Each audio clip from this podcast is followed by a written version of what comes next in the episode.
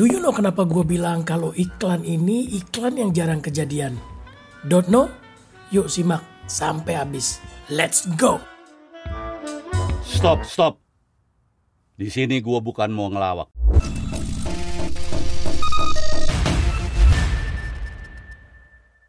Bismillah, Assalamualaikum warahmatullahi wabarakatuh. Apa kabar korban iklan? Semoga kalian semua sehat dan selalu dalam perlindungan Allah subhanahu wa ta'ala. Amin. Nama gue Khairul Akbar dan gue udah jadi korban iklan selama 19 tahun. Gue menghabiskan setengah karir gue di multinational agency seperti McCann dan Densu. Dan setengahnya lagi sebagai pemilik agensi iklan independen. Ini yang bikin gue punya capability untuk berbicara dari sudut pandang karyawan serta pemilik bisnis. Gue juga pernah ada di posisi kreatif, strategis, account, serta posisi lain dalam sebuah perusahaan yang bisa bikin gue ngasih sudut pandang untuk ngebantu lo survive and thrive di industri yang gila ini. Hari ini kita ada di segmen bedah iklan, segmen di mana kita akan membedah iklan-iklan keren, kocak atau iklan yang busuk sekalian. Supaya kita bisa paham thought process iklan tersebut untuk kita jadikan pembelajaran. Let's go.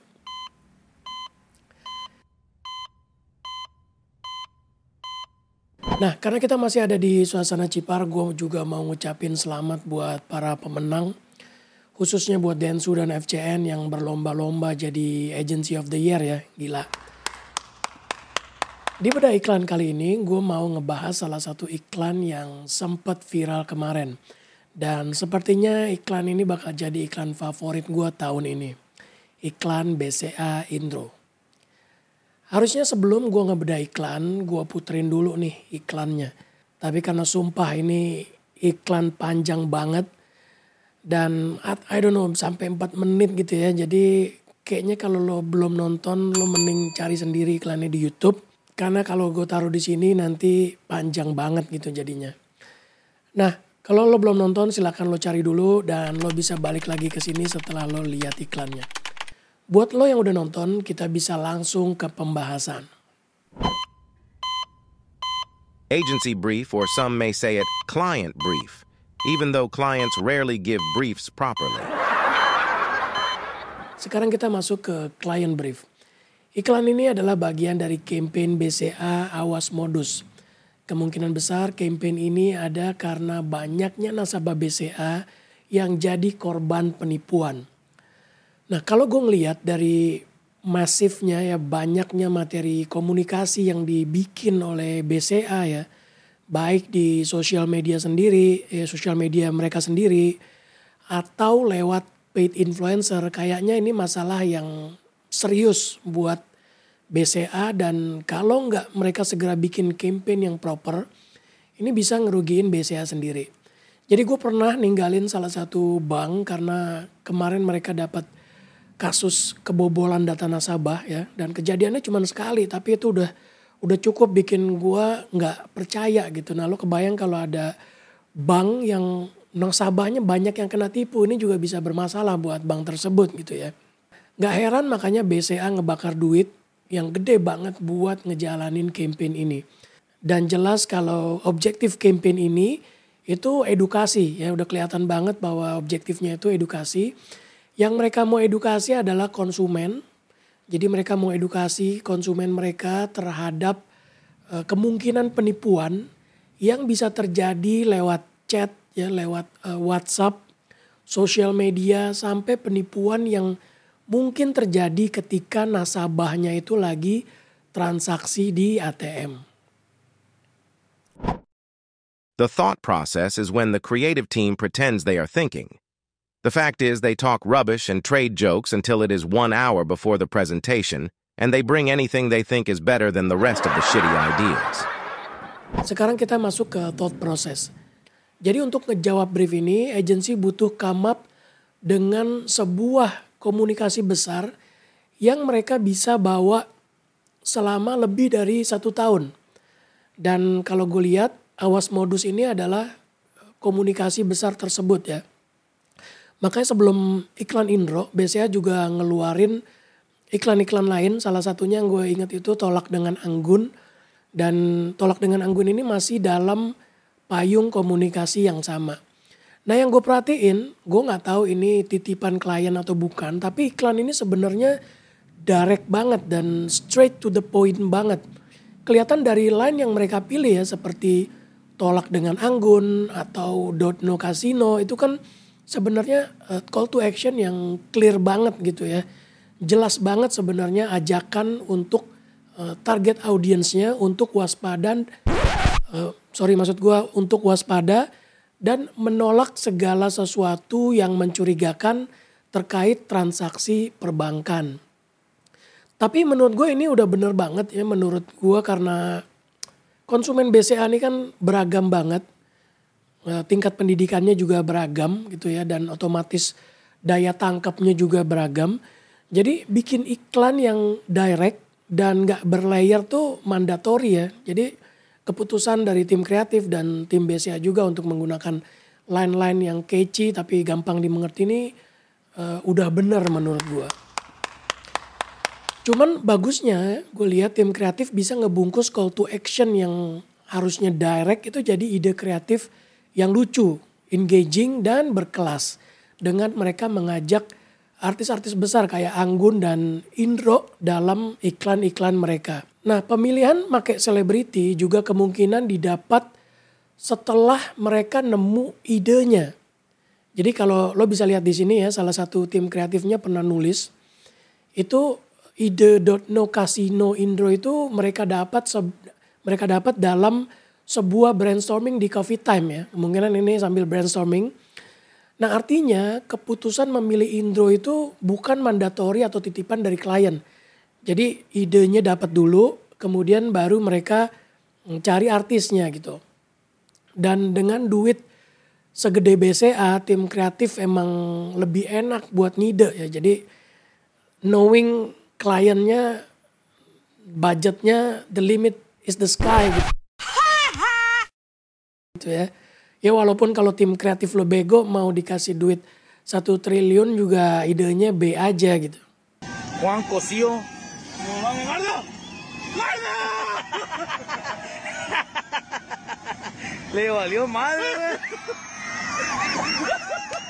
Nah sekarang gue akan ngasih beberapa tiga alasan lebih tepatnya gue akan ngasih tiga alasan kenapa menurut gue iklan ini nih iklan yang jarang terjadi.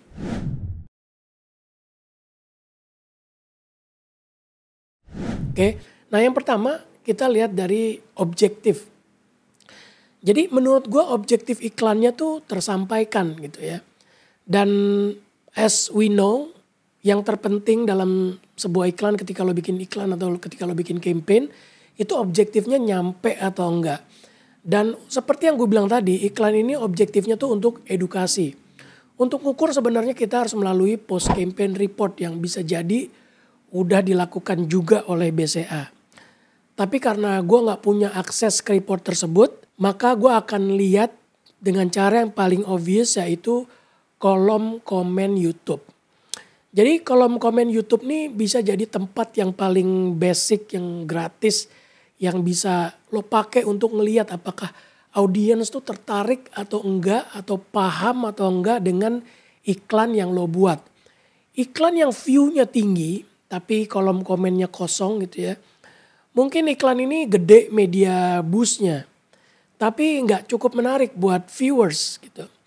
Iklan yang kolom komennya rame ya, penuh dengan komen, ini bisa jadi awal indikasi kalau iklan ini menarik perhatian penonton. In good or bad way gitu ya, bisa dua-duanya. Tapi intinya penonton tertarik untuk berkomentar gitu.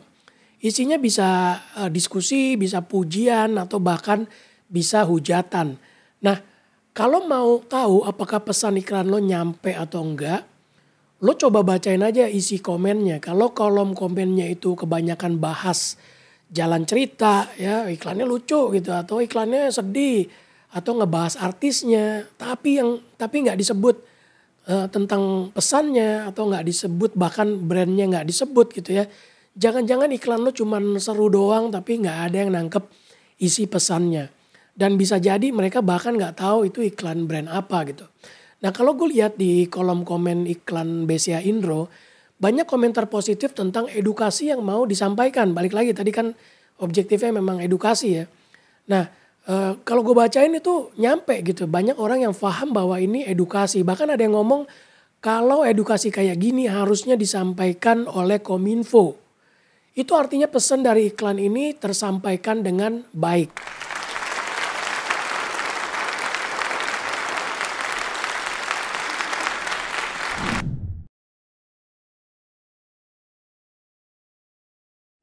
Nah, yang kedua yang menurut gue iklan ini menarik adalah karena dia dalam long format ad lah gitu ya. Iklannya tuh panjang gitu. Jadi sejak duit media klien pindah dari TV ke YouTube gitu, klien emang jadi dengerin sales YouTube banget gitu. Jadi apa yang dibilang sama YouTube memang klien ngangguk-ngangguk aja gitu. Eh, apalagi kalau misalnya duit kliennya ngepas, mereka pasti akan dengerin banget bahwa iklan lo mendingan dibikin 15 seconds ad. Klien tuh jadi males bikin iklan panjang-panjang gitu. Apalagi kalau memang duit mereka bokeh atau bahkan mungkin karena agency nggak bisa ngasih storytelling yang menarik. Banyakan klien tuh akan milih iklan yang pendek-pendek aja gitu. Rata-rata 6 seconds atau 15 seconds ad. Karena menurut mereka itu yang paling objektif menurut salesnya YouTube gitu. Nah iklan-iklan awas modus dan iklan BCA lainnya ya rata-rata itu long format kalau gue lihat gitu. Misalnya BCA berterima kasih dengan tulus, BCA Raisa, terus ada Christine Hakim dan lain-lain itu rata-rata 4 menitan semua. Nah untuk ngasih konteks sedikit buat kalian yang mungkin gak tahu, director atau sutradara iklan ini, Ica itu ya, dia memang senang bikin iklan yang panjang-panjang. Mungkin selain karena bikin iklan pendek itu susah, ya iklan panjang of course duitnya lebih gede gitu. Anyway, di tengah badai iklan-iklan 15 seconds, BCA berani bikin iklan long format. Walaupun debatable kemungkinan besar mereka juga bikin versi uh, shortnya, bikin versi 6 dan 15. Tapi mereka uh, bikin yang versi panjang dulu untuk main hero-nya. Ini bagus banget gitu. Dan BCA membuktikan kalau atensi penonton itu bukan masalah 15 seconds atau 4 menit. Yang paling penting cerita lo menarik atau enggak kemudian production value lo keren atau enggak gitu ya. Kalau misalnya cerita lo menarik tapi budget lo pas-pasan dan sinematografinya juga uh, pas-pasan, ya orang juga males gitu. Tapi ketika cerita lo menarik, sinematografinya bagus ya orang nonton-nonton aja kan walaupun 4 menit gitu. Dan ini yang banyak klien lupa gitu. Ketika lo bikin video YouTube yang keren bertahun-tahun kemudian orang akan tetap nemuin iklan lo YouTube itu kan bagian dari uh, Google, search engine terbesar di dunia. Jadi iklan yang ada di YouTube itu akan memberikan manfaat lama setelah iklan tersebut diupload. Ini lihat lo lihat iklan tactical thank you mom dari PNG ini dibuat untuk Olimpiade tahun 2012 dan sampai hari ini 10 tahun kemudian PNG itu masih dapat good sentiment dari konsumen. Jadi lo kebayang ini this is investment khususnya ketika lo ngomongin brand building. Cuman karena banyak marketer sekarang ini dituntut untuk hasil yang instan ya mungkin oleh bos-bosnya. Akhirnya ya mereka juga bikin konten-konten instan. Mereka bikin konten-konten receh yang hype sehari dua hari. Cuman kemudian udah tenggelam uh, di antara uh, konten-konten lainnya. Konten-konten seperti ini sebenarnya bagus untuk spike-spike attention. Uh, untuk harian gitu ya. Tapi untuk brand building ini enggak banget sebenarnya. Jadi gue salut buat tim uh, brand tim BCA. Semoga semakin banyak juga brand yang mau invest untuk long term dan bukan hanya mikirin uh, short term.